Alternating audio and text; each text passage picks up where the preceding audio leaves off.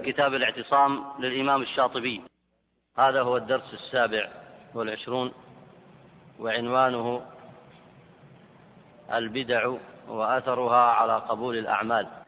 والآن نترككم مع الدرس.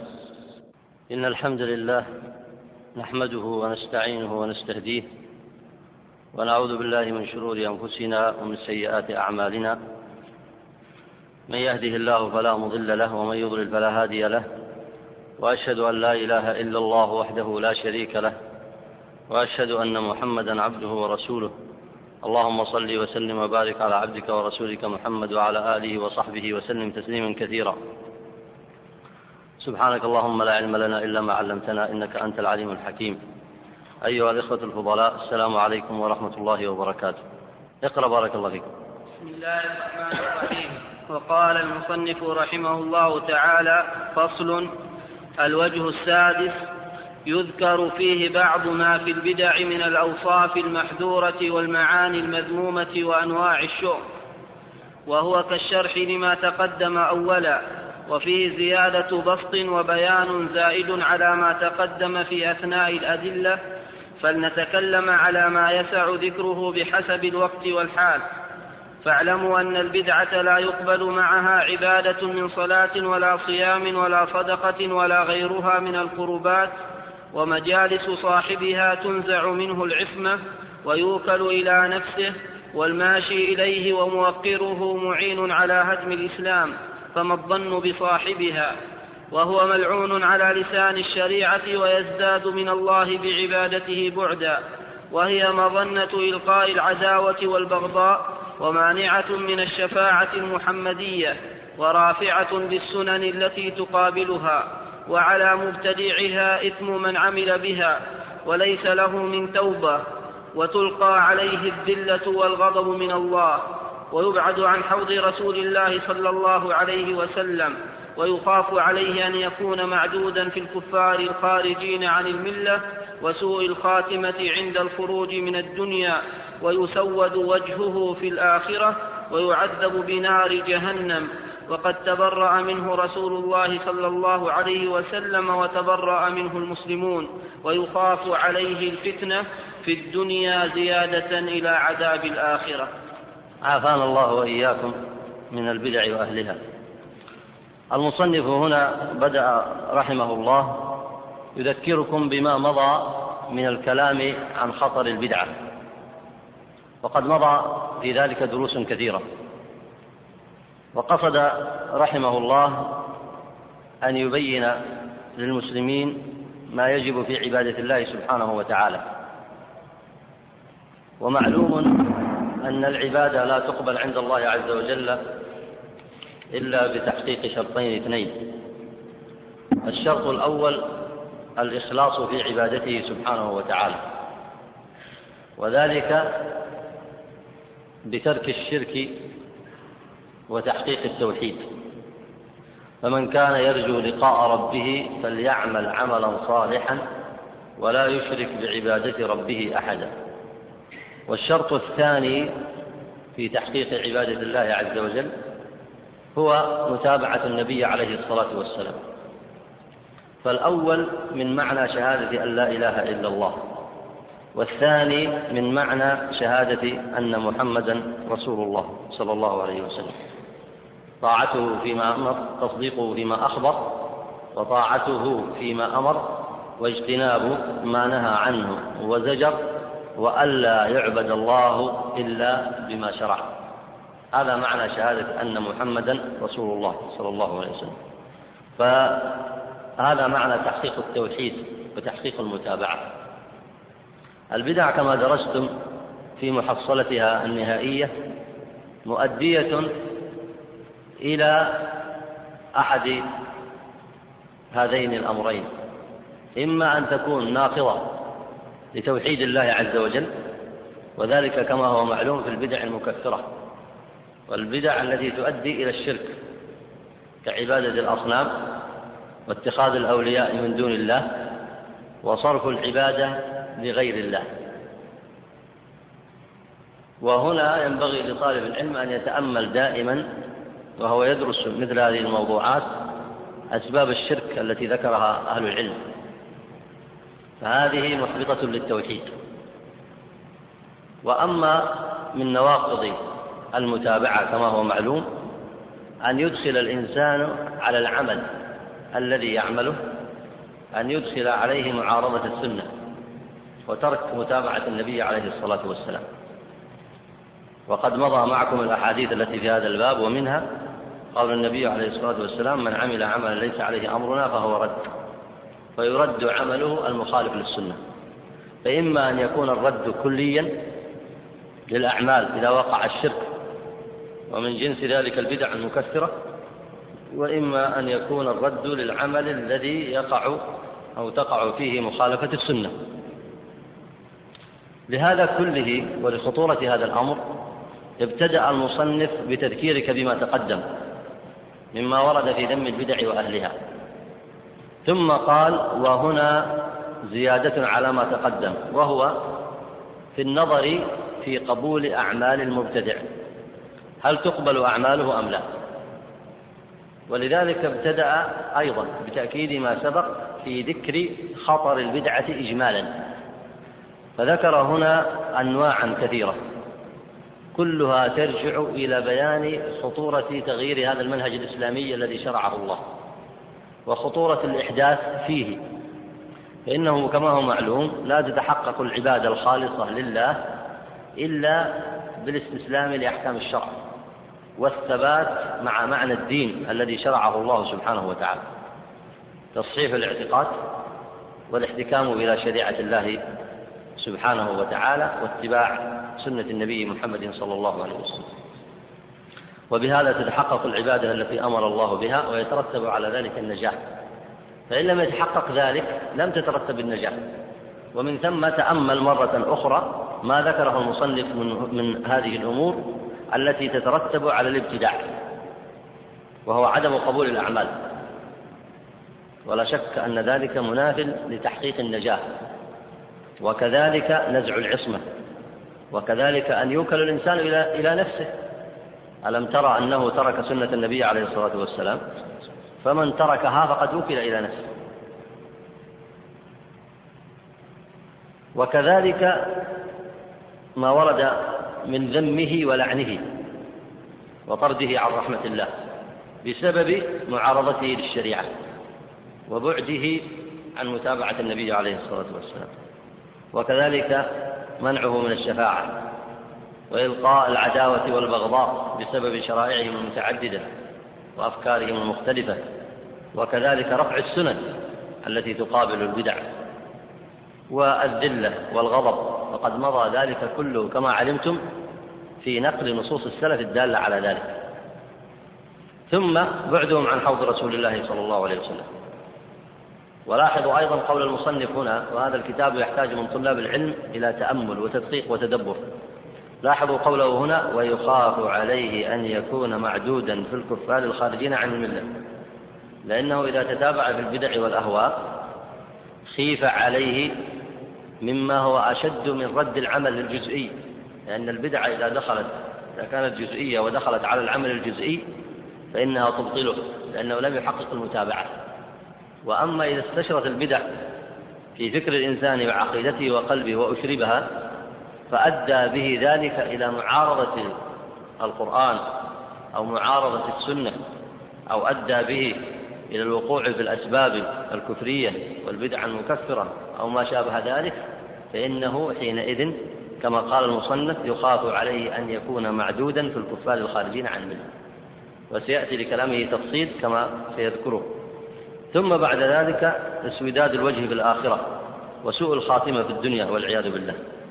وأما تبرؤ الرسول صلى الله عليه وسلم وتبرؤ المسلمون منه فسيأتي كما في حديث ابن عمر كما تبرأ من القدرية.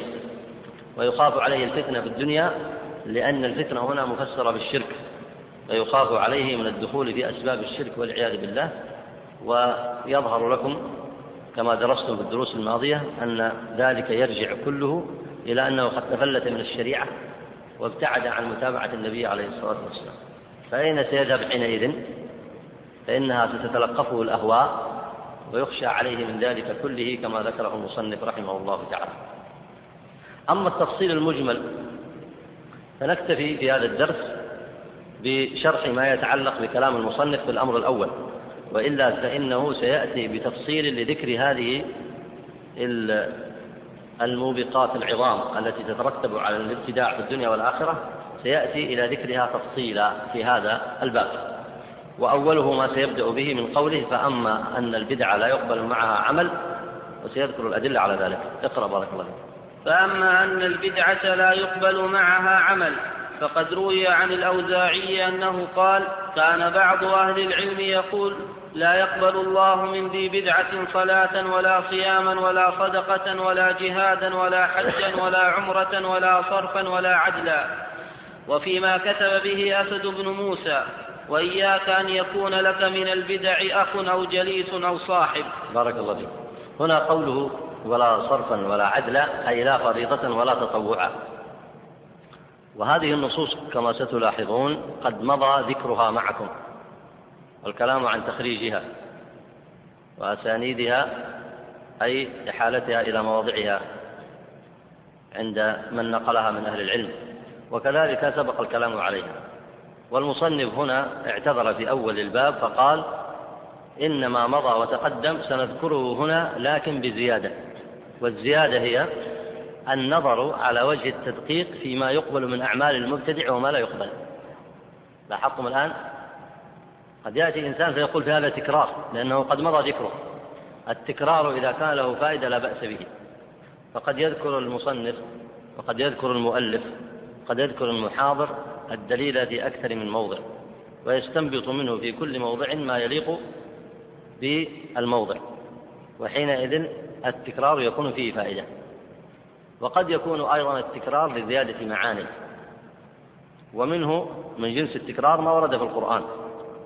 فإن التكرار في القرآن إما لزيادة الإيمان أو لزيادة إقامة الحجة أو لزيادة الأدلة والبراهين أو لزيادة معان أخرى وكل ذلك بما يليق بالسياق على وجه من الإعجاز عظيم. فالتكرار في كتب المصنفين لا بأس به إن كان لفائدة. ولذلك لهذا السبب فإن هذه الآثار لن يرد الكلام عليها من حيث تخريجها لأنه قد سبق في الأشرطة السابقة.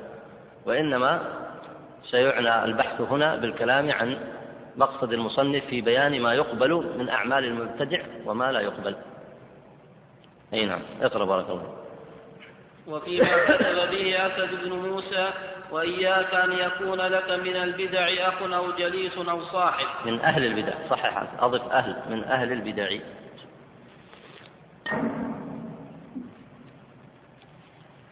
طبعا هذا المعنى فيه واضح. إذا أردت أن تتعلم الإسلام فتعلمه بالكتاب والسنة وخذه عن أهله العاملين به المستقيمين على سنة النبي عليه الصلاة والسلام. ولذلك لو سأل لو سأل الإنسان نفسه فقال كيف دخلت المفاهيم المنحرفة على المسلمين؟ وكيف دخلت الآراء الفاسدة؟ سواء من البدع القديمة من الغزو الفكري. السبب يرجع أن كثيرا من الناس اتخذوا لهم أولياء وإخوانا يتعلمون الدين من أفكارهم ويتعلمون الدين على طريقتهم. فمفهوم الدين في العالم كما هو معلوم يقسم إلى مفاهيم كثيرة. فنزلت هذه المفاهيم على الإسلام ولذلك قسم وأخذ بعضه وترك بعضه فتأثر المسلمون في هذا العصر بهذه المفاهيم. ولو أنهم صبروا على ما كان عليه النبي عليه الصلاة والسلام ما دخلت عليهم البدع ولا دخل عليهم مخالفة الشريعة ولا دخلت عليهم القوانين الوضعية بل فهموا دينهم كما أنزله الله عن النبي عليه الصلاة والسلام. فينبغي النظر في مثل هذه التوجيهات بصورة آه، واضحة والانتباه لما تنطوي عليه من الحكم. ولذلك تربية الأمة لا بد أن يكون على منهج مستقل في كل شأن من شؤونها. نعم. فإنه جاء الأثر من جالس صاحب بدعة نزعت منه العصمة ووكل إلى نفسه. ومن مشى إلى صاحب بدعة مشى إلى هدم الإسلام. وجاء البدع بارك الله لأن البدع تعارض الإسلام. البدع تعارض الإسلام سواء من البدع القديمة أو الحديثة ومعارضتها الإسلام في هذا العصر واضح جدا. فكم بني على القبور من البدع والشرك ودعاء غير الله وصرف العبادة لغير الله؟ كل هذا يعارض الإسلام يعارض التوحيد. وكم حمل الناس على الخضوع لما يخالف الشريعة. وكل ذلك من الأهواء التي تؤدي إلى هدم الإسلام وثلمه وإضعافه.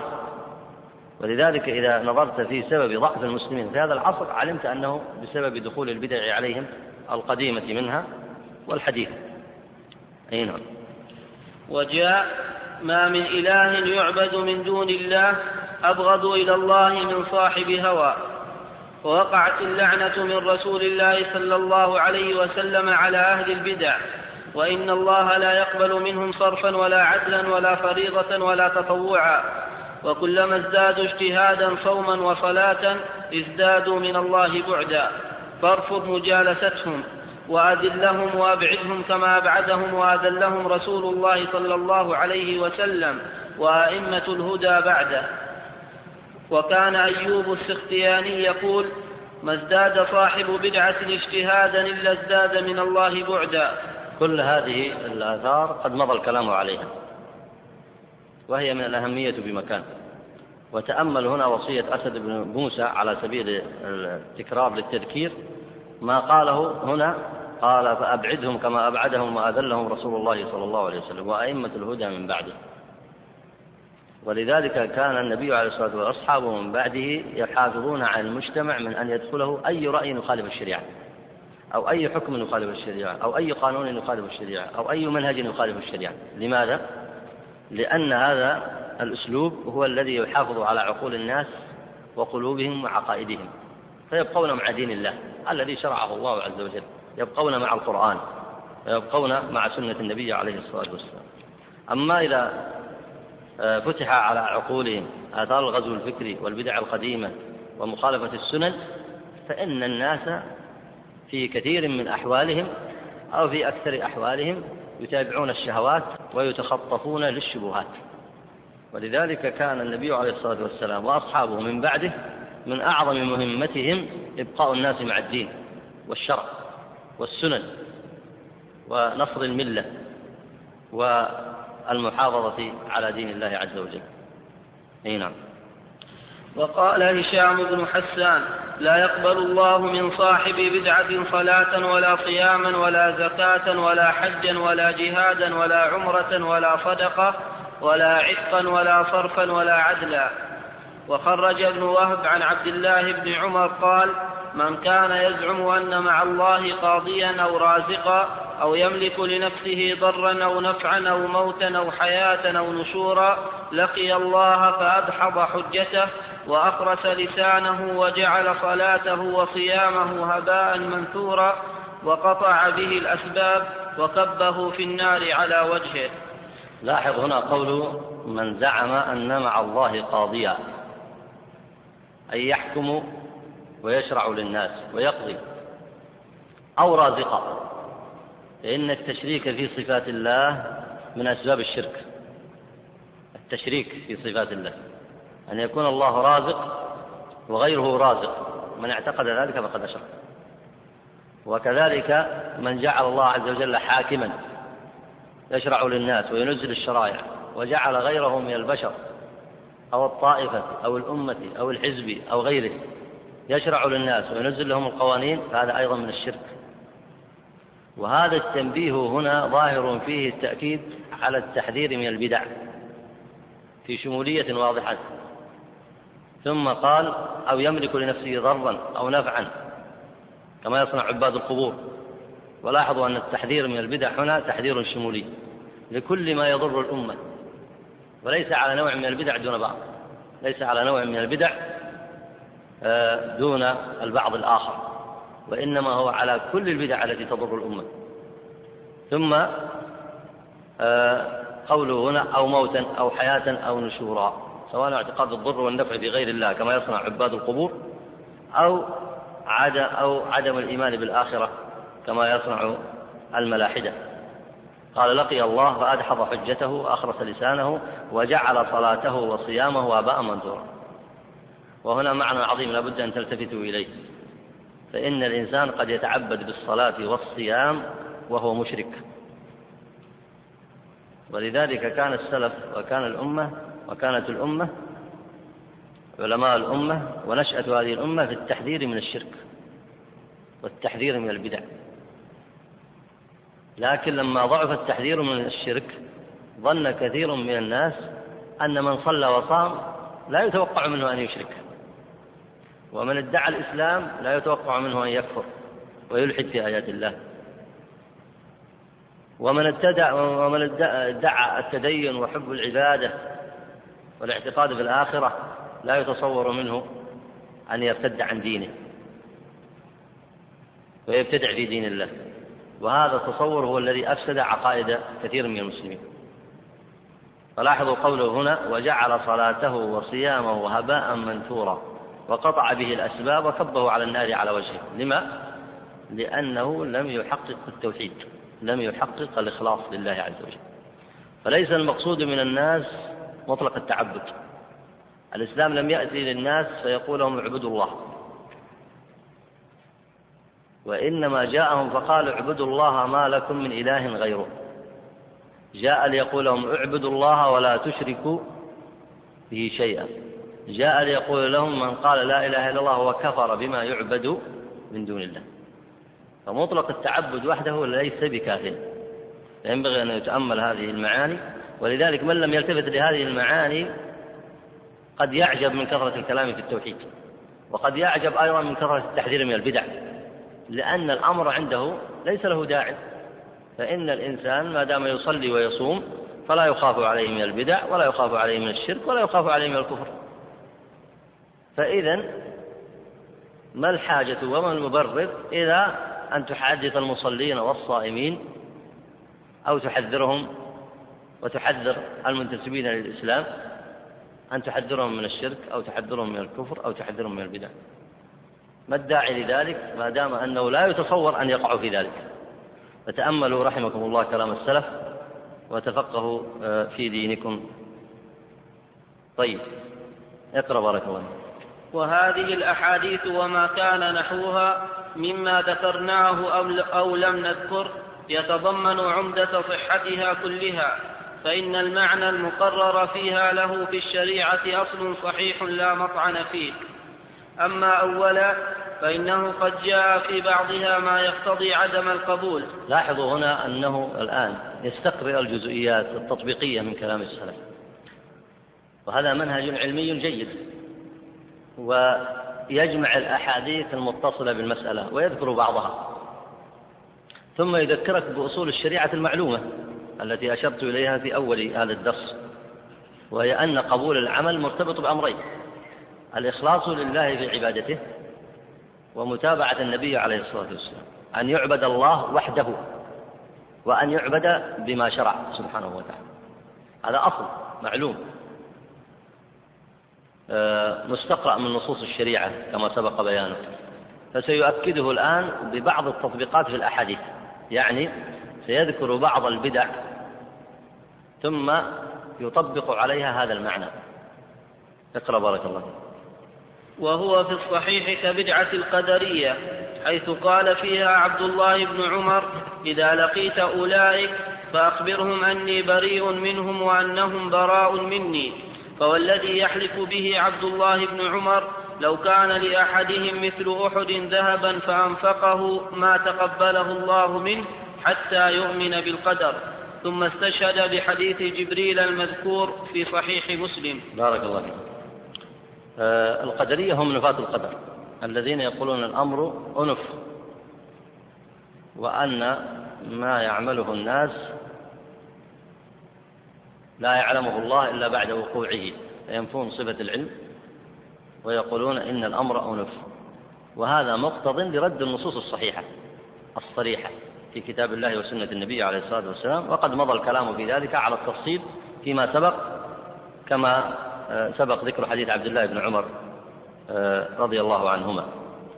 وجه استدلال المصنف هنا وهو ما ذكره من إيراد المعنى الزائد في هذا الباب. وجه استشهاده هنا بهذا الحديث أن هؤلاء وقعوا في بدعة وأن هذه البدعة هي بدعة نفي القدر وأن ذلك ترتب عليه أن عبد الله بن عمر أخبرهم ونقل إليهم قوله بأنه بريء منهم وأنهم براء منه. وهذه البراءة المذكورة هنا يحلف عليها عبد الله بن عمر وهي في حكم المنقول كما هو ظاهر قال هنا لو كان لأحد مثل أحد مثل أحد ذهبا فأنفق ولم يتقبل منه.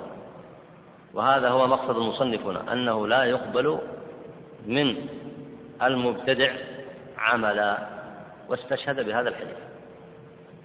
يعني يرد ترد عليه بدعته في قوله بنفي القدر ولا يقبل منه عمل آخر إذا عمله. وهذا هو استشهاد المصنف بهذا الحديث. إي نعم اذكر آه، اقرأ استشهاده بالحديث الذي بعده. ومثله حديث الخوارج وقوله فيه يمرقون من الدين كما يمرق السهم من الرمية. بعد قوله تحقرون صلاتكم مع صلاتهم وصيامكم مع صيامهم وأعمالكم مع أعمالهم. الحديث. ومضى الكلام على الحديث أيضا فيما مضى من الدروس. ونحيل إلى ما سبق. وأما الشاهد هنا عند المصنف فقوله يمرقون من الدين كما يمرق السهم من الرمية. إنسان يأتي يرى صيدا فيرميه. فإذا رماه بالسهم فإن السهم يخترق هذا الصيد. فإذا جئت للسهم لم تجده شيئا لم تجد فيه شيئا من أثر الفرق والدم. أو كالعدم من وجود الأثر فيه. فهؤلاء كأنهم يدخلون في الدين فيمرقون يخرجون منه فإذا رأيتهم بعد خروجهم منه كأنهم لم يبق معهم شيء مثل السهم إذا خرج من الرمية. واضح المثال؟ وقد يتردد في السهم هل بقي فيه شيء هل فيه شيء من الرمية أو لا من الأثر. فهذا الحديث دال هنا كما استشهد به المصنف على أن لهؤلاء القوم يعني قوم ابتدعوا في الدين. ثم هذه البدعة معها أعمال أخرى الصلاة والصيام فإنهم لم يبتدعوا في الصلاة والصيام. كانوا يصلون بعضهم كان يصلي كما يصلي المسلمين بعضهم ويصومون كما يصوم أهل الإسلام. فمعنى هذا أن معهم عبادات. فالمصنف هنا يقول أن هذه العبادات لم تقبل منهم بسبب بدعتهم. فلم تقبل بدعتهم الأصلية التي ابتدعوا فيها. وهي قولهم بالتكفير بما دون الشرك من المعاصي وقتال واستحلال قتال المسلمين على ذلك عامتهم وخاصتهم لاحظتم؟ فإن هذه البدعة لا تقبل منهم لأنها مخالفة للشريعة. وكذلك أعمالهم الأخرى من الصلاة والصيام لا تقبل. وهذا وجه استشهاد المصنف بهذا الحديث. فكأنه أورد أنه بسبب بدعتهم لم يبق معهم من الدين شيء أي لم يبق معهم من قبول الأعمال شيء. واضح وجه استشهاد المصنف بهذا الحديث؟ أي نعم. طيب اقرأ بارك وإذا ثبت في بعضهم هذا لأجل بدعة فكل مبتدع يخاف عليه مثل من ذكره وأما طبعا هنا قبل ما ننتقل إلى الثاني تأمل. لو سألتكم في أي شيء يتكلم المصنف هذا الكتاب يحتاج منكم إلى تدقيق ومراجعة دائمة. مضى معكم أن البدع ثلاثة أنواع. منها بدع مكثرة باتفاق مثل بدعة عبادة الأصنام ومثل بدعة دعاء غير الله عز وجل أو الذبح له أو النذر له أو السجود لغير الله ويدخل في ذلك أسباب الشرك لأنها من البدع والشرك أصلا من البدع. وكذلك يدخل في ذلك ما أدى إلى إنكار القرآن أو السنة أو الاعتراض الذي يؤدي إلى معارضة الشريعة. وسيأتي لهذا أمثلة كثيرة. هذا اتفق العلماء على أنها بدع مكثرة هذا نوع. النوع الثاني اتفقوا على أنها بدع مفسقة. وهي ما كانت من الأسباب التي هي ذرائع إلى الشرك. وما شاكلها مثل البناء على القبور وإسراج السرج عليها وغير ذلك من البدع التي مضى ذكر كثير من أمثلتها. هذه بدع مفسق. وكلها بدع ضلالة كلها محرمة.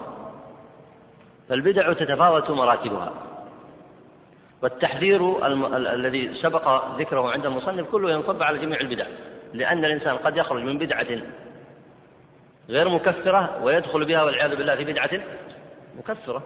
فإن المعاصي وهي أخف شرا من البدع والمعاصي شر أيضا المعاصي بريد الكفر كما ذكر العلماء. فما بالك البدع التي هي أخطر من المعاصي؟ فإن الإنسان قد يتنقل من بدعة إلى بدعة إلى بدعة حتى يدخل ينتقل من البدع الجزئية إلى أن يدخل في عبادة غير الله. لاحظتم؟ فها هنا نوعان. البدع المكفرة والبدع الجزئية التي ليست بمكفرة وهذا محل اتفاق بين العلماء. هناك نوع ثالث اختلفوا فيه. هل يلحق بالمكفرة أو يكون من البدع الجزئية؟ وكل ذلك ستأتي دراسته في هذا الكتاب. بل هذا الموضوع ستأتي دراسة مفصلة له عند الكلام على تكفير أهل البدع. والمصنف سيشير إلى هذا هنا إشارة خفيفة ومراعاة لشرح الكتاب. نسلك مسلكه. ريثما يأتي موضع التفصيل. فسيأتي باب في حكم أهل البدع. أي في حكم النظر هل هم كفار أم لا. فما كان من البدع الجزئية فلا يكفر بها أحد. وما كان من البدع المكفرة فلا يختلف أحد في التكفير بها. لاحظتم الآن؟ بقي البدع بدع أخرى كثيرة مثل بدع الخوارج مثل بدع المعتزلة مثلا. كثير منها العلماء نظروا فيه هل هو سبب للتكفير أم لا؟ ولذلك اختلفوا في هؤلاء الخوارج والمعتزلة ومن شاكلهم هل هم كفار أم لا؟ وسيأتي لهذا بحث. فهنا ماذا تتصورون من قول المصنف هنا؟ وإذا ثبت في بعضهم هذا لأجل بدعة فكل مبتدع يخاف عليه مثل من ذكره. تتصورون هنا لأجل بدعة يقصد أيها أقرب شيء إلى قصد ما هو؟ تفضل. إلى بدع البدع المكفرة أو البدع المختلف فيها هل هي كفر أم لا؟ أو البدع غير المكفرة؟ ما الذي تتصورون يدخل في قوله هنا؟ أقرب شيء إلى ذلك. البدع المكفرة هو النوع الثاني المختلف فيه كبدع الخوارج. طيب ما الدليل على ذلك؟ ممكن إنسان يأتي يقول لا تدخل كل بدعة. ما الدليل على ذلك؟ امم تفضل. أحسنت. ذكره الأحاديث. فإن الأحاديث التي ذكر فيها بدعة القدرية وفيها بدعة الخوارج. فكأنه يتكلم عن البدع العظيمة. لاحظتم؟ سواء قيل بأنها سبب للكفر أو قيل أنها دون ذلك فيتكلم في نوع من البدع. ولا يتصور أنه يدخل كل بدعة. يعني هو ذكر من قبل أنواع من البدع من البدع الجزئية. فلا يتصور أنه يدخل هنا في أنه لا يقبل له عمل مطلقا يدخل فيه كل بدعة. والدليل ما ذكره من الأحاديث. فإنه أشبه بالبدع الكلام بالبدع العظيمة. طيب سؤال آخر. قد يسألك إنسان فيقول لماذا هنا المصنف لم يفصل القول هنا؟ من يذكر الجواب؟ السياق هنا يناسب التفصيل أو أن السياق له مقصد آخر هنا؟ تفضل. أحسنت. بارك الله فيك. مقصده هنا التحذير. ولذلك قال فكل مبتدع يخاف عليه مثل ذلك. يعني يخاف أن يتنقل من البدع الجزئية يتنقل إلى البدع الأخرى يتنقل إلى البدع المكفرة. لأنه بدأ يفتح الباب لنفسه يتكلم بهواه ويتبع الأهواء ويتكلم بدون دليل ويتبع الآراء الشاذة فيبدأ من مرحلة إلى مرحلة حتى والعياذ بالله قد يخرج من الإسلام. فقال هنا ويخاف عليه. فالموطن هنا أصلا السياق هنا موطن تحذير. ولذلك قال يذكر الوجه السادس يذكر فيه بعض ما في البدع من الأوصاف المحذورة والمعاني المذمومة وأنواع الشؤم وهو كالشرح لما تقدم. وما تقدم كله في ماذا؟ في التحذير من البدع التحذير في تغيير معاني الإسلام في التحذير من تغيير معاني التوحيد. في التحذير من تغيير معاني الإيمان في التحذير من ترك متابعة النبي عليه الصلاة والسلام. فالموضع يناسب ذكر هذا التحذير ولا يناسب التفصيل. ولذلك من ظن هنا أن الشاطبي يدخل كل بدعة في هذا المقام فهذا آه، الظن لا يكون له موضع هنا. فإن مقصده التحذير في هذا الباب. وأيضا يدخل في مقصده ما دلت الأدلة هنا التي تتناسب مع الموضع. فإن بدع القدرية وبدع الخوارج وما شاكلها من البدع العظيمة فإن الظاهر من مقصد الشاطبي هنا أيضا أن ما سيذكره من الأدلة أن هؤلاء لا يقبل لهم عمل والعياذ بالله. لكن ما يمكن يستتبع الذهن أن تدخل كل بدعة. فينتبه طالب العلم لهذا المعنى. طيب. وأما ثانيا فإن كون المبتدع لا يقبل منه عمل إما أن يراد أنه لا يقبل له بإطلاق على أي وجه وقع من وفاق سنة أو خلافها وإما أن يريد أنه لا يقبل منه ما ابتدع فيه خاصة دون ما لم يبتدع فيه. فأما الأول فيمكن على أحد أوجه ثلاثة. الأول أن يكون على ظاهره من أن كل مبتدع أي بدعة كانت فأعماله لا تقبل معها. داخلتها تلك البدعة أم لا؟ هنا ظاهر بعد أن قال ويشير إليه حديث ابن عمر المذكور آنفا. الذي يتناسب مع الموضع هنا أنه أشبه البدع المكفرة باتفاق لا يقبل له عمل. وبدع الفرق المشهورة الضالة كالخوارج والمعتزلة. وما شابهها أيضا تدخل في مقصد المصنف والله أعلم في ظاهر كلامه. لكن أن تكون أي للعموم أي بدعة كانت ولو جزئية الظاهر أنها لا تدخل في مقصوده. كما سيأتي آه، ذكره للوجه الآخر بعد أن يذكر الأوجه الثلاثة. نعم. يعني قوله هنا فأما الأول فيمكن على أحد أوجه ثلاثة. ما هو الأول؟ لا يقبل نعم. أن لا يقبل له عمل. يريد أن يبين وجه الاستدلال على ذلك من أوجه ثلاثة. لاحظتم؟ أي نعم. ويشير إليه حديث ابن عمر المذكور آنفا ويدل عليه حديث علي بن أبي طالب رضي الله عنه أنه خطب الناس وعليه سيف فيه صحيفة معلقة فقال والله ما عندنا كتاب نقرأه إلا كتاب الله وما في هذه الصحيفة فنشرها.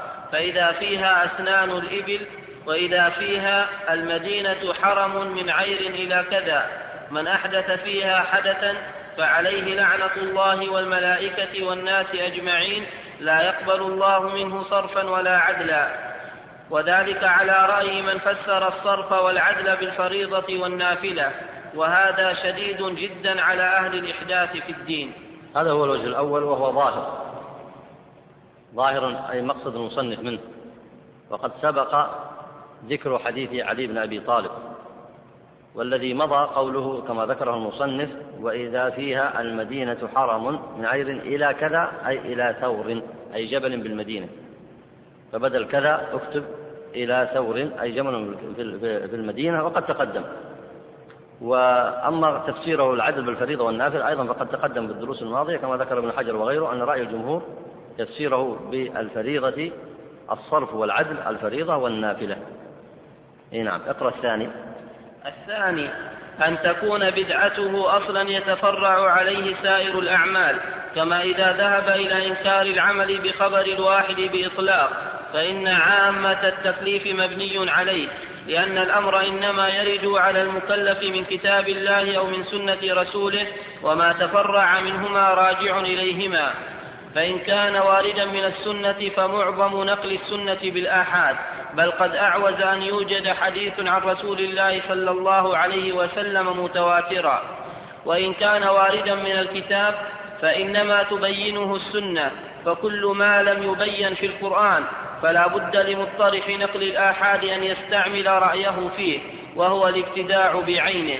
فيكون كل فرع ينبني على ذلك بدعة لا سنة لا يقبل منه شيء. كما في الصحيح من قوله عليه السلام كل عمل ليس عليه أمرنا فهو رد.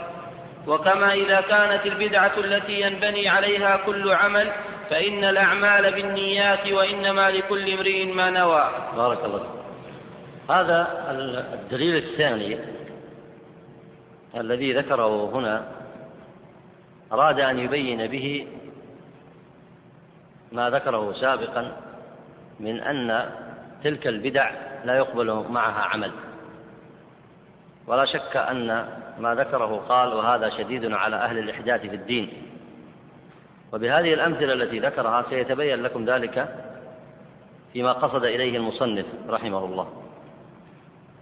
قبل أن نذكر لكم هنا مقصده بالتفصيل نذكر لكم كلمة موجزة عن العمل بخبر الواحد.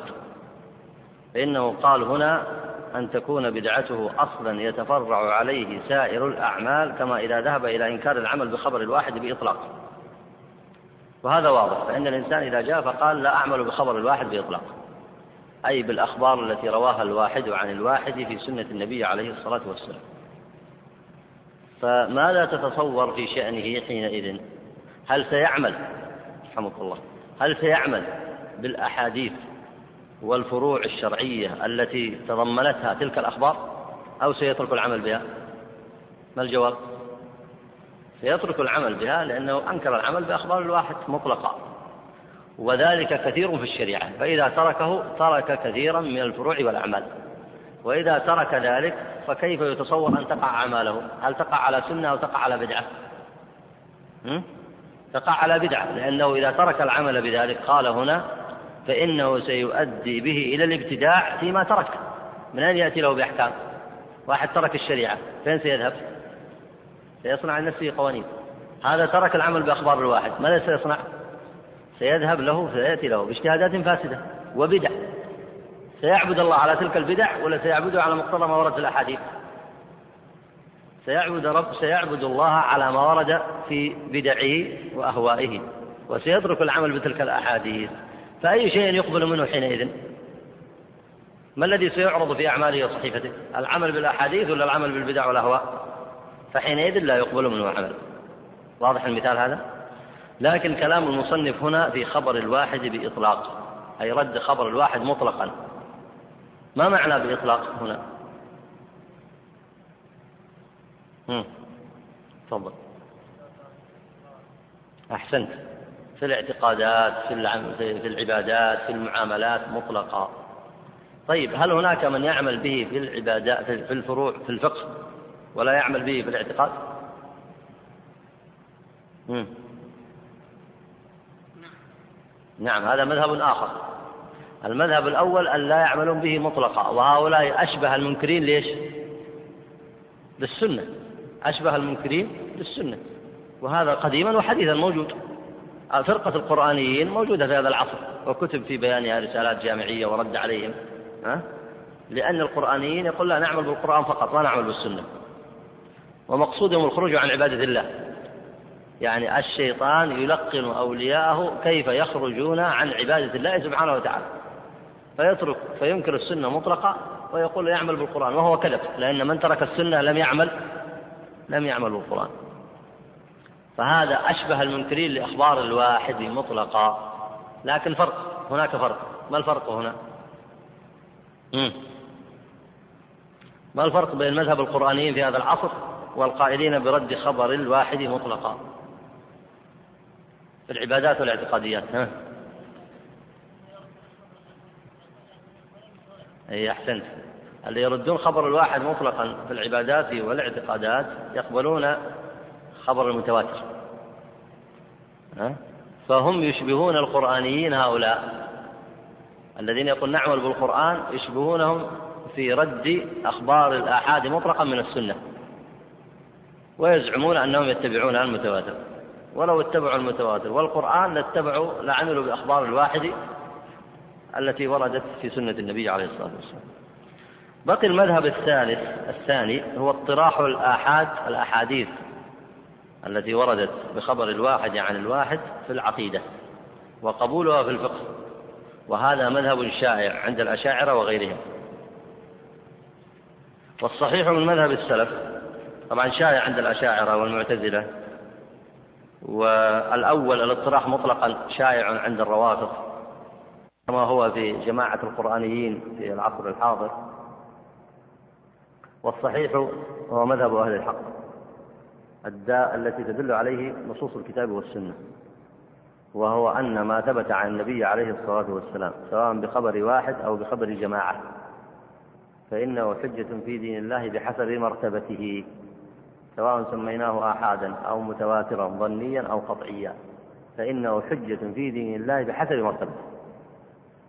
ولذلك ثبته الإمام الشافعي في كتابه الرسالة ونقل مذهب السلف في ذلك في تثبيت خبر الواحد واستدل على ذلك بأدلة كثيرة. ليس المقام هنا مقام التفصيل فيها لكن التذكير ببعضها. فذكر من ذلك ما ثبت بالتواتر. وهو معلوم من الدين بأن الله أرسل رسله إلى خلقه عليهم الصلاة والسلام واحدا بعد واحد. وهؤلاء الرسل جاءوا لأقوامهم ويأتي الواحد منهم بنقل الخبر عن الله عز وجل. وهذا دال على أن الواحد تقوم به الحجة.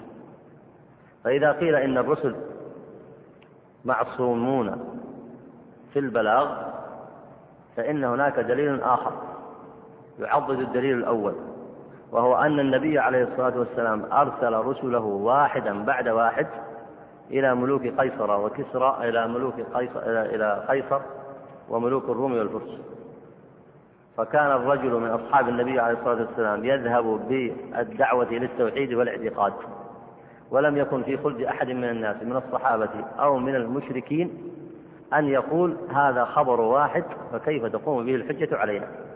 ولو لم تقم الحجة لما أرسله النبي عليه الصلاة والسلام إذ لا فائدة في إرساله حينئذ.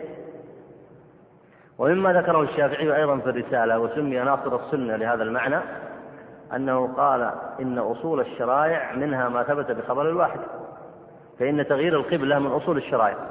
القبلة أمر يعتقد المسلمون أن الصلاة كانت لبيت المقدس وكانوا يصلون على ذلك وهذا أصل من أصول الشرائع. وعملوا بذلك زمنا طويلا. ثم نسخ وحولوا إلى الكعبة المشرفة كما هو معلوم.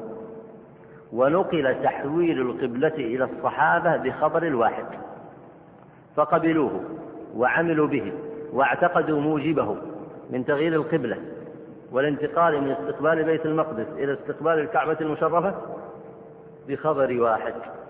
وأقرهم النبي عليه الصلاة والسلام ولم يقل لهم كيف تقبلون خبر الواحد فإنه محتمل أن يصيب ومحتمل أن يخطئ كما يقول كثير من المتكلمين. فهذه من الأدلة التي ساقها الشافعي في كتاب الرسالة وسمي عليها ناصر السنة وهو مذهب أئمة السلف والمنقول عنهم والمعلوم من كتبهم إلا ما شاع عند المتأخرين بعد ذلك.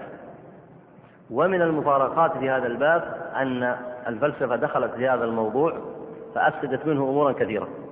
وأضرب لكم مثالا واحدا ثم أنتقل بعد ذلك إلى آه، بيان استكمال ما أشار إليه المصنف. الكلام في خبر الواحد هل هو في خبر الواحد من الكفار والفساق والناس أجمعين؟ أو في خبر الواحد من أهل الثقة والضبط والعدالة؟ الكلام في أي شيء؟ الكلام في خبر الواحد من أهل العدل والثقة والضبط. كأن يقول عمر سمعت من أبي بكر. فأي شك في خبر أبي بكر؟ وكان يقول نافع سمعت من ابن عمر. وكأن يقول مالك سمعت من نافع عن ابن عمر. فأي شك في أقوال الثقات الضابطين أهل العدالة والصدق؟ أي شك في أقوالهم؟ ومن شك في أقوال هؤلاء فمن يصدق. فالمتكلمون في أصول الفقه وغيره في أبواب علم الكلام إذا تكلموا ويتكلمون عن خبر الواحد مطلقا. وخبر الواحد مطلقا لا كلام لنا فيه. فإنا لا نقبل خبر الواحد إلا بالشروط التي ذكرها المحدثون في كتبهم. والشروط التي ذكرها المحدثون في كتبهم معلومة وذكرها الشافعي في تثبيت خبر الواحد وغيره. فإن المقصود بجملة هذه الشروط أنها ترجع إلى إلى التثبيت الخبر عن طريق الضبط والإتقان والعدالة. وهذا ما ما ينبغي لإنسان أن يرفض مقتضى ما تضمنته هذه الأخبار من الاعتقادات والأعمال. بل الواجب قبول ذلك سواء كان الخبر سمي متواترا أو سمي آحادا وسواء كان النص في السنة أو النص في القرآن كما هو معلوم فإن القرآن متواتر كما هو معلوم والسنة منها ما هو كذلك ومنها ما دون ذلك ومع ذلك فإن السلف لم يفرقوا في قبولها جميعا في الاعتقادات والأعمال. وإن كان كما هو معلوم أن القرآن يتعبد بتلاوته والسنة لا يتعبد بتلاوته. ووجود الفرق بين حديث وحديث من كثرة الرواة. أو حتى وجود الفرق بين نص في السنة لا يتعبد بتلاوته ونص في القرآن يتعبد بتلاوته هذا لا يدل على عدم العمل بمقتضى ما فيهما وأن أحدهما أعلى منزلة من الآخر بمعنى أن أحدهما يعمل به والآخر لا يعمل به لا هذا البحث لم يكن يعرفه السلف رضوان الله عليهم بل إنهم يعملون بمقتضى ما ورد في النصوص سواء في القرآن أو في السنة وسواء في المتواتر أو الآحاد ويعتقدون ما تضمنته من المعاني. في الاعتقاد والأعمال أي نعم. أما قول المصنف هنا فإن كان واردا في السنة فمعظم نقل السنة بالآحاد بل قد أعوز أن يوجد حديث عن رسول الله صلى الله عليه وسلم متواتر. هذه أيضا مسألة حديثية ذكرها العلماء في مصطلح الحديث. هل المتواتر قليل نادر أو كثير؟ أما أن الآحاد أكثر من المتواتر فهذا صحيح. هذا متفق عليه. أما أن المتواتر نادر قليل جدا فهذه المسألة أجاب عنها بعض أهل العلم وبين أن المتواتر كثير واستدلوا على ذلك بأمور. دع عنك ما يذكر من رواية الجماعة عن الجماعة فيما مضى. ذكروا في هذا أمرا واقعيا يعلمه الناس ويعلمه الناس أي أهل الاختصاص فأنتم تعلمون أن أكثر ما في حديث البخاري مثلا وأحاديث السنن. ومسلم وغيره أن فيها أحاديث كثيرة جدا من أحاديث الأحد. لكن إلى أي شيء آل أمرها؟ ألم تتقبلها الأمة بالقبول؟ ألم يقل العلماء المحققون خلفا بعد خلف وإجماعا بعد إجماع أن أصح كتاب بعد القرآن هو هو كتاب البخاري؟ ولم يشيدوا ويرفعوا بكتاب مسلم؟ ألم تتقبل الأمة هذه الأحاديث بالقبول؟ فالتقبل هذا أشبه بالتواتر. لاحظوا رحمكم الله التقبل هذا أشبه بالتواتر بمعنى أنه ما صار الآن الحديث المذكور واحدا بعد واحد صارت الأمة بعلمائها الثقات العدول من جميع أهل الاختصاص في الفقه والحديث والاعتقاد كلهم مجمعون وينقلون ما ورد في كتاب البخاري ومسلم. ويصححون ما فيهما. وكذلك يصححون كثير من الأحاديث التي وردت في السنن. فأصبح الكثير الكثير أشبه بالمتواتر من حيث القبول أو لا. ولهذا لا يصح القول كما ذكره كثير من المحققين أن المتواتر قليل جدا نادر جدا. إلا بتفسير من ذكر ذلك والتفسير ليس المقصود هو هو ألا ينقله الواحد بعد الواحد. ينقله الواحد بعد الواحد لكن على حال من الضبط والإتقان وتحقق الشروط والعدالة حتى إذا وصل إلى كتب أهل الحديث فثبتوه ونقلوه ثم تنقلت هذه الكتب وقبلت عند عامة المسلمين من أهل السنة وصار لها القبول فإن حينئذ ارتفعت منزلتها بلا شك فلا يقال حينئذ أن المتواتر قليل. أي نعم.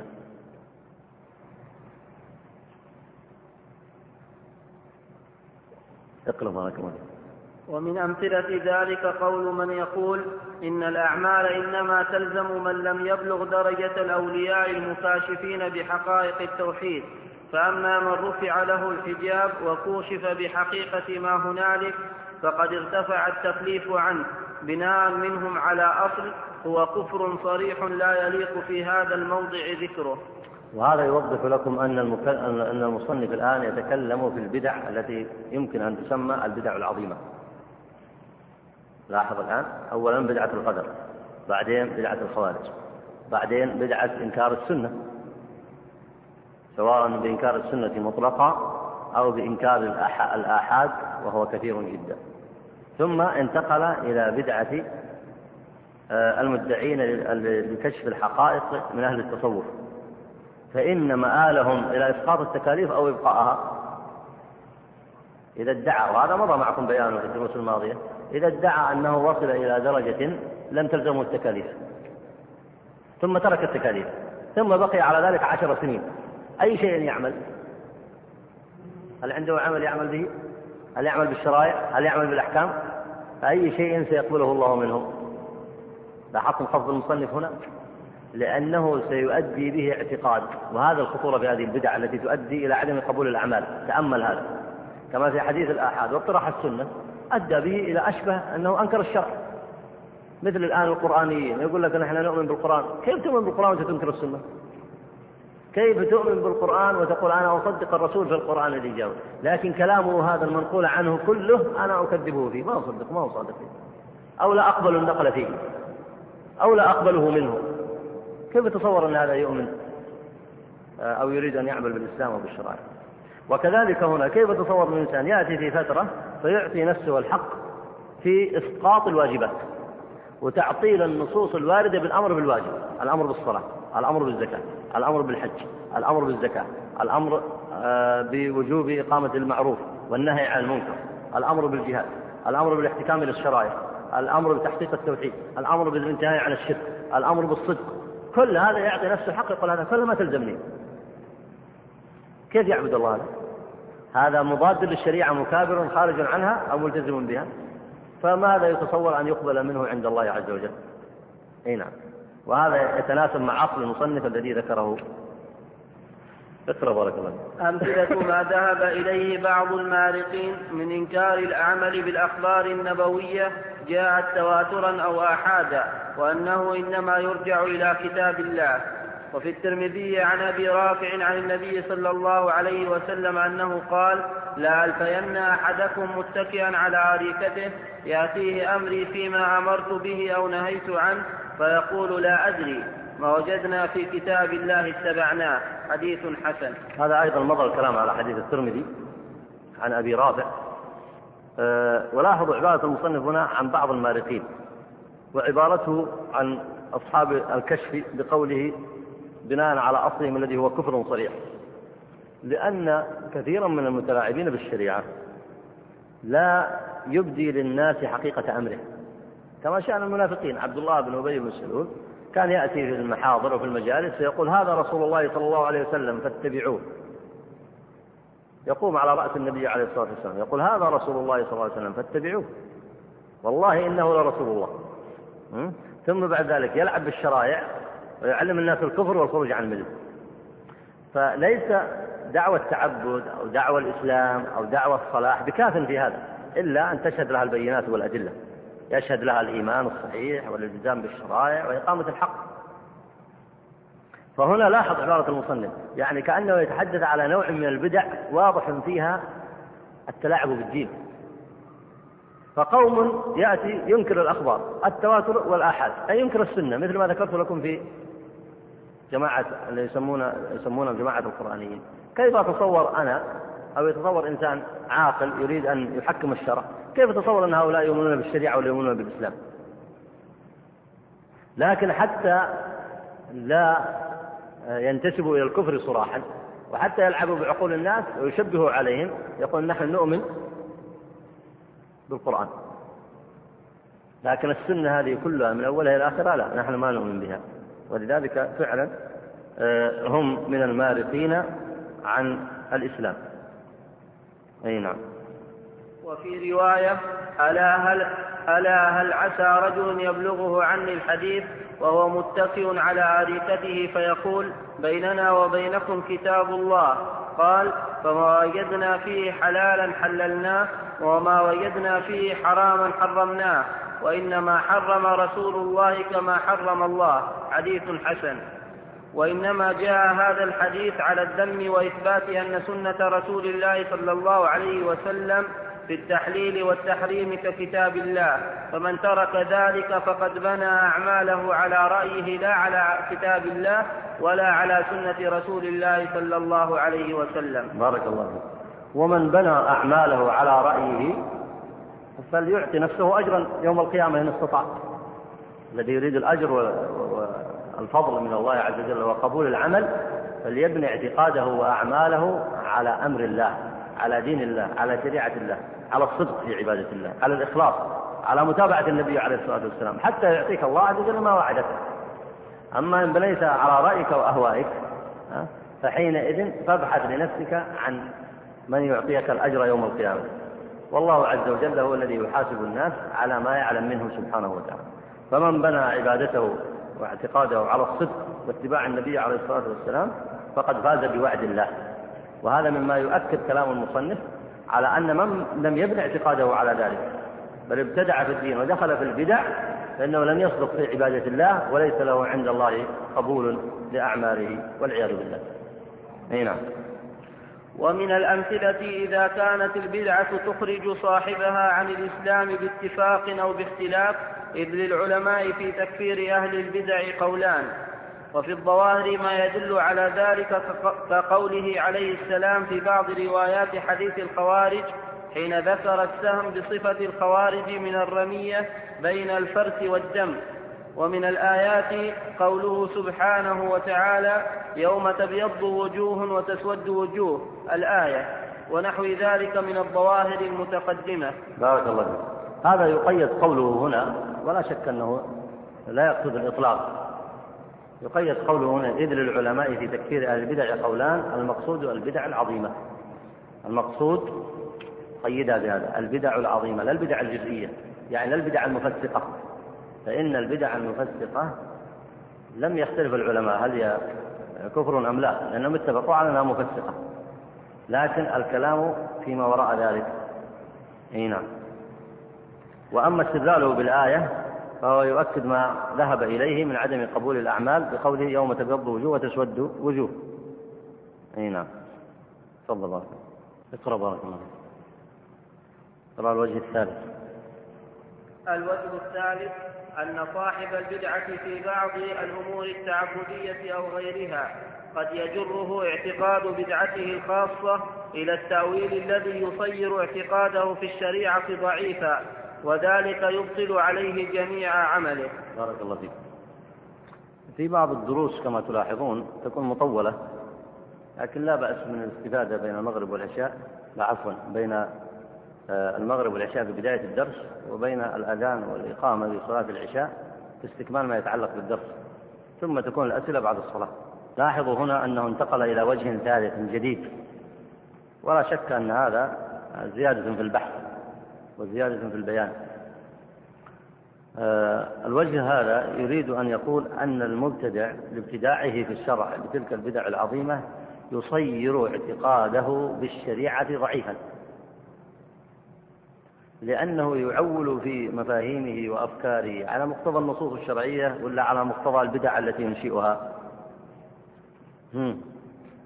يعول على الابتداع الذي ينشئه. فكلما ازداد في البدع كلما ضعف يقينه بالنصوص الشرعية. كلما ضعف يقينه في النصوص الشرعية. وكلما ازداد ضعفه ازداد ضعفه في الشريعة. فإذا ازداد ضعفه في الشريعة وقع الشك.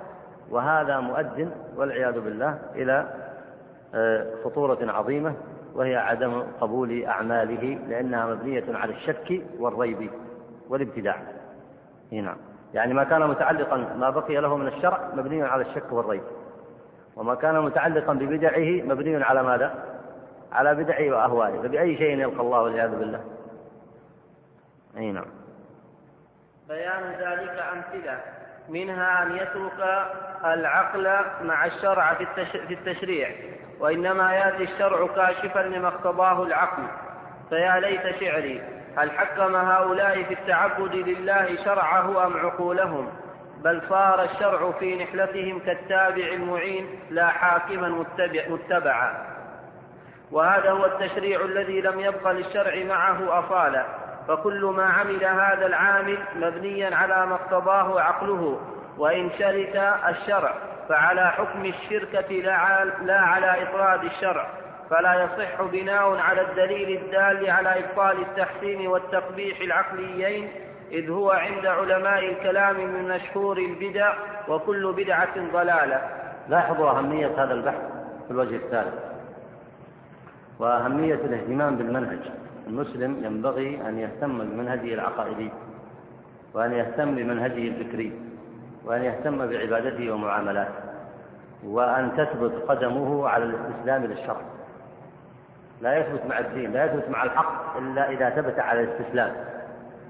ومعاني الإسلام والإيمان والتوحيد كلها دالة على هذا المعنى. فمن الوجه الثالث الذي ذكره أنه يصير اعتقاد المبتدع بالشريعة ضعيفا لأنه إما يبني حياته وأفكاره على البدع التي ابتدعها وذلك شر ويبقى ملتزما ببعض الأحكام لكن على على غير وجه اليقين لأنه لم تكن له ثقة قوية في النصوص الشرعية. فهذا فساد وهذا فساد والعياذ بالله. آه، لكن انظروا نظرة الشاطبي لهذه الشمولية في التحذير من البدع. لما قال هنا أن المبتدع يترك أو يشرك ممكن أن يكون هذا ممكن أن يكون هذا بمعنى واحد. يشرك العقل مع الشرع في التشريع. كيف يشرك العقل مع الشرع؟ يعني يظن أنه بخبرته وآرائه وقدراته واجتهاداته وطلبه للمصالح واستحسانه لما يستحسنه يظن أنه يستطيع أن يحقق مصالحه. الدنيوية أو الأخروية. ولذلك يقول هذا الأمر فيه مصلحة وهذا الأمر فيه زيادة إيمان وهذا الأمر فيه زيادة عبادة وهذا الأمر فيه تقرب إلى الله وهذا فيه كذا وفيه كذا. فلا يزال يظن أنه يبحث المصالح لنفسه فيشرك نفسه وعقله في تحديد طريق النجاح وفي تحديد طريق العبادة. وهذه هي مشكلة البدع قديما وحديثا لأن الذي يحدد طريق الاعتقاد الصحيح والعبادة هو الله. ومن أوضح الأمثلة في هذا الآن كثيرا من العبادات التي تصرف عند القبور ماذا يقصد أصحابها أصحابها بها يقصدون تحقيق المصالح الأخروية لأنفسهم وأن يتقربوا إلى الله بهؤلاء الصالحين وصرف العبادة لهم. وعباد الأصنام وهم يعبدون الحجارة الصماء ما قالوا نحن نعبدها هكذا يعني مجرد بس رغبتنا نحن في الضلالة لا. ولا يقصدون أن نعبدها عبثا. بل قالوا إنما نعبدهم لتحقيق مصالح. إيش هي المصالح هذه؟ ليقربونا إلى الله. زلفى المعتزلة لما فكروا هذا من, من الأمثلة حتى يكون الإنسان نظرته للبدع نظرة شاملة واضحة. يفهم بها معنى التوحيد ويفهم بها معنى الإيمان ويفهم بها معنى الإسلام. وأنت لما تقرأ في هذا أول ما تربي تربي نفسك على الاستسلام لله وتوقير النصوص والثقة. في كتاب الله وسنة النبي عليه الصلاة والسلام. فهنا بدع المعتزلة قالوا في معرفتنا لصفات الله ومعرفتنا لما يتعلق بالله عز وجل هذا ممكن ندركه بالعقل. طيب الله عز وجل كفاكم المؤونة. جاءكم برسول كريم صادق أمين ناصح بلسان عربي مبين يقول لكم الحق. فلما لا تقبلوا وتريحوا أنفسكم وتريحوا عقولكم هذه التي تظنون أنها ستأتي لكم بكل شيء. فتركوا ذلك وانصرفوا إلى عقولهم فأتوا بالعجائب وأشغلوا الفكر الإسلامي من أوله إلى آخره لما تعلمون. فهؤلاء أشركوا العقل مع الشرع وإلا اتبعوا الشرع على وجه الاستقلال. الأول أو الثاني؟ الأول. أشركوا عقولهم مع الشرع فساروا. أشياء يحكمون أنفسهم بالشرع. وأشياء يحكمون أنفسهم بأهوائهم وتفكيرهم. فإذا جئت تقول تحكمون بالشرع في هذه المسائل ليش ما تتركوا الشرع كله وتريحون أنفسكم؟ وتشوفوا مصالحكم بأنفسكم. قالوا لا نحن نحب الشرع ونقر به. طيب ليه ما تريحون أنفسكم وتتركون عقولكم؟ قالوا لا عقولنا نحقق فيها مصالح. فجمعوا بين اتباع الشرع في بعض ما يريدون واتباع عقولهم وأهوائهم فيما يستحسنون من العقائد الباطلة. لاحظتم الآن؟ قارن بين مثال المعتزلة وهذا وارد في المنتسبين للإسلام وفي الذين لا ينتسبون للإسلام مطلقا.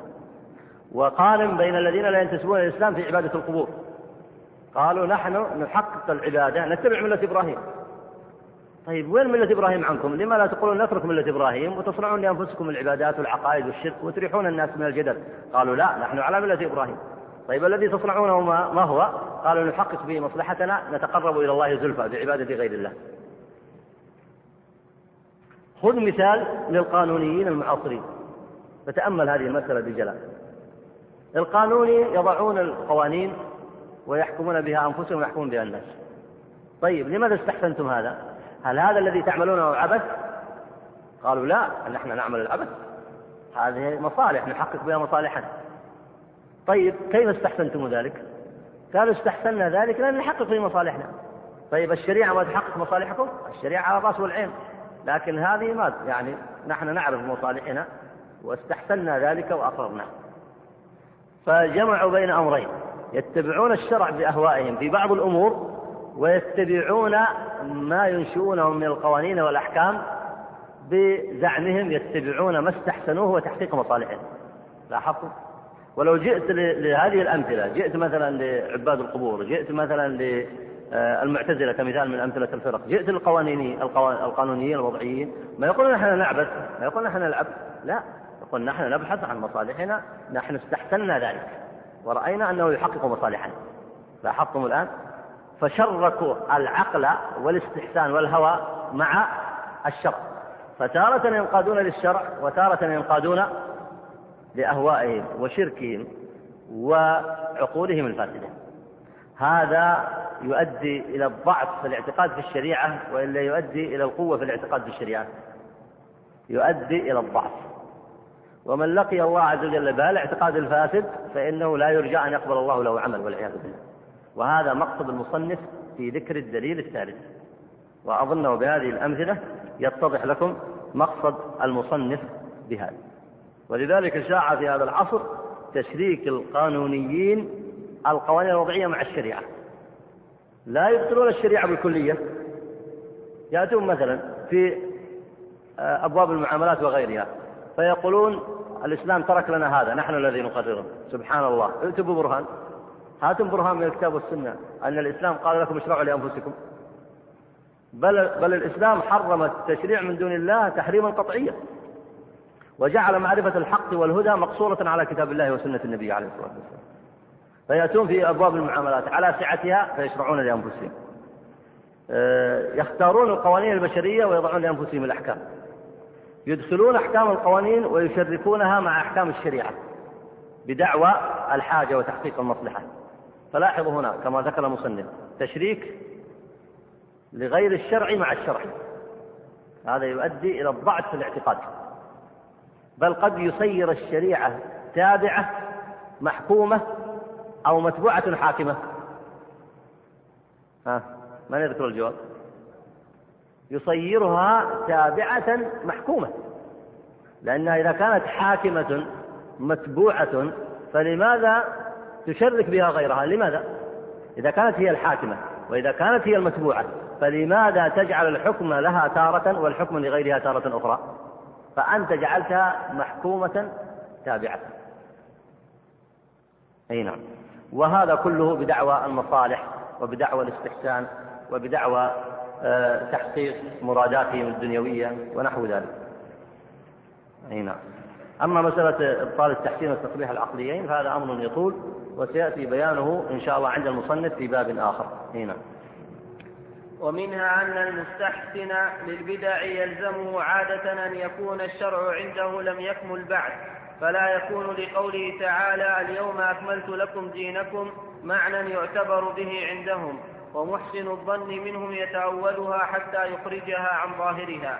واضح هذا لأنه إذا وضع مع الشريعة غيرها فإنه حينئذ لا يعتقد في الحقيقة أن الدين قد كمل. وإنما يتلاعب بالأحكام والشرائع والعياذ بالله.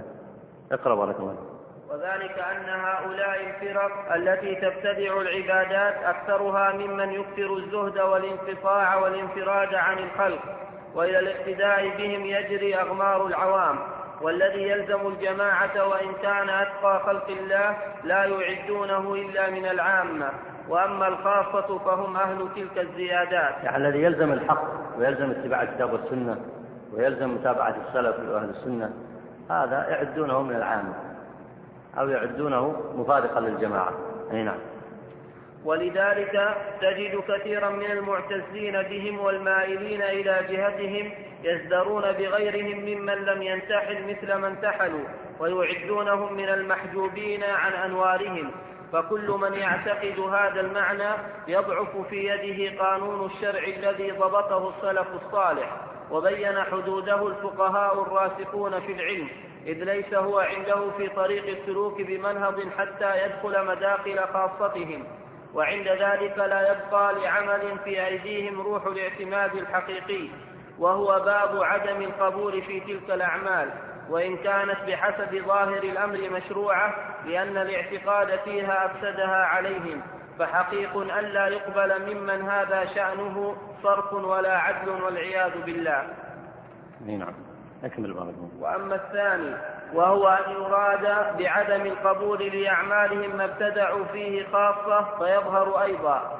وعليه يدل الحديث المتقدم كل عمل ليس عليه أمرنا فهو رد. والجميع من قوله كل بدعة ضلالة أي أن صاحبها ليس على الصراط المستقيم وهو معنى عدم القبول وفاق قول الله ولا تتبعوا السبل فتفرق بكم عن سبيله. وفاق أي موافقة لقول الله ولا تتبعوا السبل فتفرق بكم عن سبيله. نعم. وصاحب البدعة لا يقتصر في الغالب على الصلاة دون الصيام ولا على الصيام دون الزكاة ولا على الزكاة دون الحج ولا على الحج دون الجهاد. إلى غير ذلك من الأعمال لأن الباعث له على ذلك حاضر معه في الجميع وهو الهوى والجهل بشريعة الله كما سيأتي إن شاء الله. وفي المبسوطة عن يحيى بن يحيى أنه ذكر الأعراف وأهله فتوجع واسترجع ثم قال قوم أرادوا وجها من الخير فلم يصيبوه. فقيل يا أبا محمد أفيرجى لهم مع ذلك لسعيهم ثواب؟ قال ليس في خلاف السنة رجاء ثواب. بارك الله فيك. آه يحيى بن يحيى مضى الكلام في ترجمته وأما الوجه الثاني عند المصنف فهو أراد أن يبين أن ورود البدعة ووقوع الإنسان في البدعة والهوى وترك متابعة النبي عليه الصلاة والسلام في عمل من أعماله مؤد به إلى أن هذا العمل لا يقبل عند الله عز وجل. وهو الوجه الثاني في التفسير. ذكر الوجه الأول وأكده بعدم قبول أعمال المبتدع على ما ذكره من البدع وأنواعها مطلقة ثم ذكر الوجه الثاني وأنه مخصوص أو الأمر الثاني وهو أنه مخصوص بالعمل الذي يرد فيه أو ترد عليه البدعة ومعنى ذلك وهو فرق بين المعصية والبدعة أن الإنسان إذا عصى الله في مسألة من المسائل أو قصر في واجب أو وقع في محرم وهو يعلم أنه ترك هذا الواجب أو ترك هذا المحرم من المعاصي فإنه قد يرجع إلى الصواب في ذلك. فيعبد الله عز وجل إما بسؤال أهل العلم عما يجب عليه أو بالسؤال عن الأمر المحرم فيتركه وعلى ذلك يعود من قريب. فيبدله الله عز وجل بسيئته حسنة ويثيبه الله عز وجل على عمله الصالح الذي استأنفه ويعفو عنه فيما سبق.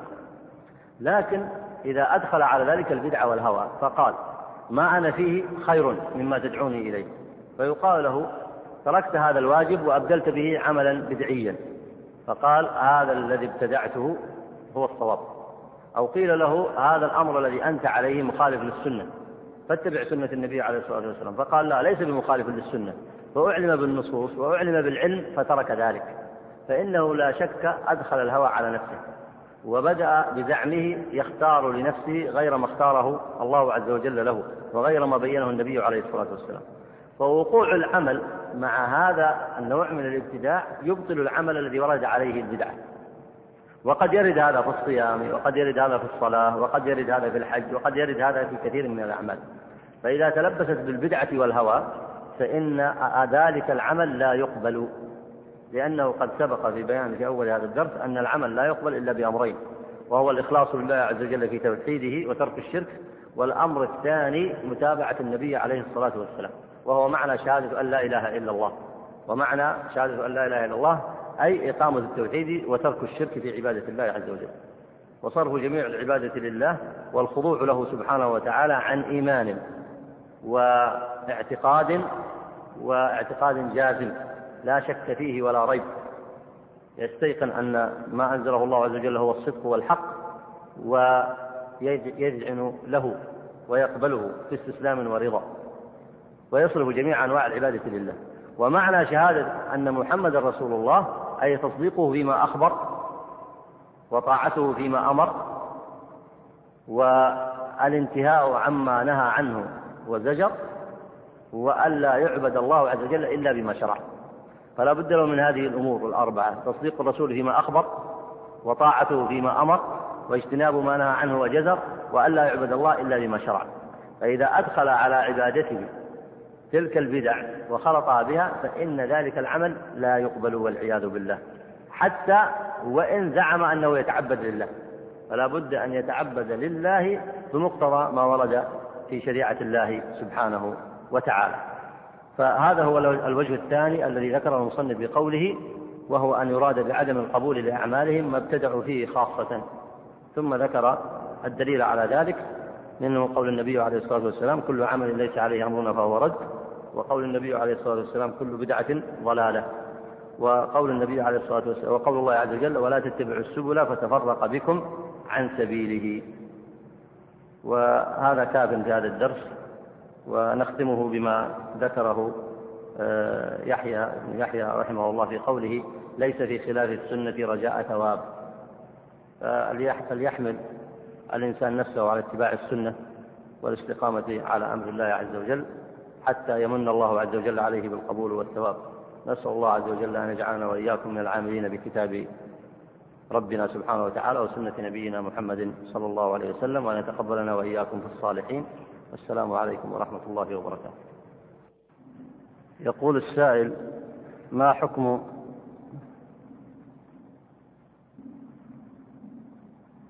ما حكم من يحكم بين الناس في مشاكلهم ما حكم من يحكم بين الناس في مشاكلهم بالأعراف القبلية؟ وهل يتاب على عمله في الصلح بين الناس بالأعراف القبلية؟ الحكم بين الناس لا يجوز كما بين المسلمين علماء المسلمين إجماعا لا يجوز أن يحكم بينهم إلا بكتاب الله وسنة نبيه محمد صلى الله عليه وسلم. كما أجمع علماء المسلمين من أهل السنة والجماعة على أنه لا يجوز أن يحكم بين الناس إلا قاض بالشرع. قاض يحكم بالشرع. عارف بأحكام الشريعة. يعرف قول الله وقول رسوله صلى الله عليه وسلم ويحكم بين الناس. أما أصحاب الأعراف سواء الأعراف القبلية أو القانونية أو غيرها فلا يجوز لأهلها أن يحكموا بين الناس. وذلك أولا لأنهم لا يعرفون الشريعة حتى يحكموا بها. والأمر الثاني أنهم يحكمون بأهوائهم وآرائهم وقوانينهم وهذه صنعوها من عند أنفسهم وصنعوها بأعرافهم وصنعوها يظنون أنهم يحققوا أنهم يحققون مصالحهم. ولا شك أن الإنسان إذا ترك الشريعة دخل في الأهواء. كما قيل لسفيان بن عيينة أظنه سفيان بن عيينة. قال قال الله عز وجل في القرآن ولا يأتونك بمثل إلا جئناك بالحق وأحسن تفسيرا. معنى الآية أن الناس لا يأتون بمثل إلا جاء الله عز وجل بأحسن منه. فقال له القائل إن العرب تقول اعط أخاك اعط أخاك تمرة فإن لم يرضى فأعطه جمرة. فأين هذا في القرآن؟ قال في قول الله تعالى ومن يعش عن ذكر الرحمن نقيض له شيطانا فهو له قرين. أي أعطاهم الله الخير وأعطاهم الله الشريعة وأعطاهم الله الذكر. فإذا تركوه فإنهم يستبدلون أو يتبعون القرين ويتبعون الشيطان. ولذلك لا يجوز أن يحكم بين الناس إلا من يحكم بالشرع بكتاب الله وسنة النبي عليه الصلاة والسلام. وأما من لا يعرف أحكام الكتاب والسنة فلا يجوز له أن يحكم بين الناس. كما أنه أيضا لا يجوز أن يحكم بين الناس بالأعراف المخالفة للشريعة بأي حال من الأحوال سواء ما يصنعه القبائل لأنفسهم آه، مخالفين به الشريعة أو ما يصنعه القانونيون لأنفسهم من أحكام فإنه لا يجوز الحكم بها بإجماع علماء المسلمين.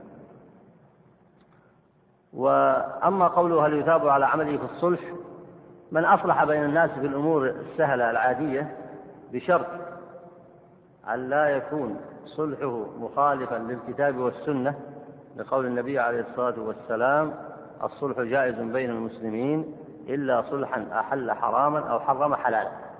ففي الأمور التي يمكن للإنسان حتى العادي أن يصلح فيها ولا يقع في مخالفة الكتاب والسنة وأن يضمن ذلك من نفسه. أما إذا كان سيقع في مخالفة الكتاب والسنة فإنه أيضا لا يجوز له أن يجري هذا الصلح.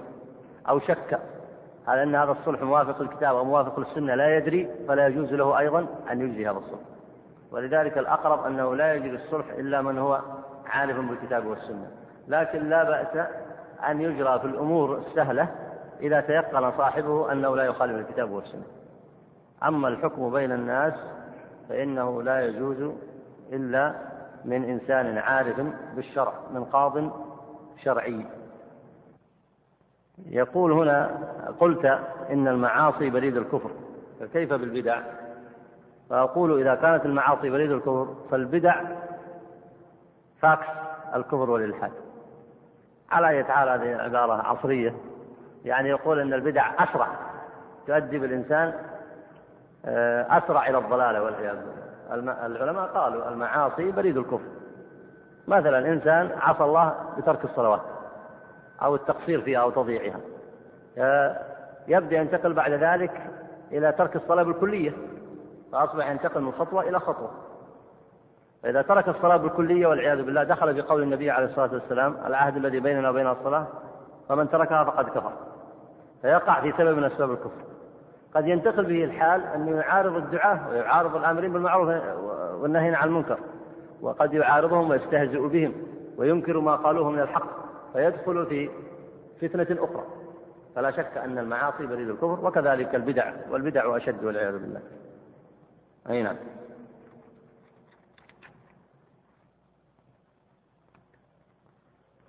يقول هنا آه، قال المصنف بأنه من جالس صاحب بدعة ما المقصود بالمجالسة والمشي؟ وهل بدعة زيارة القبور والطواف حولها؟ يعذر صاحبه صاحبها بالجهل. هنا قول المصنف من جالس صاحب بدعة المقصود أن يجالسه مجالسة التوقير والسماع لما يقول.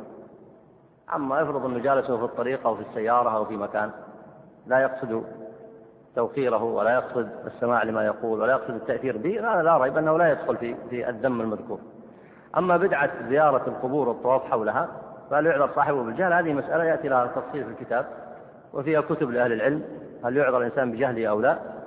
هذا لا شك حتى الذي قال أنه يعذر بجهله وإن كان السلف لهم تفصيل في هذه المسألة يفرقون بين ما يمكن العذر فيه وما لا يمكن.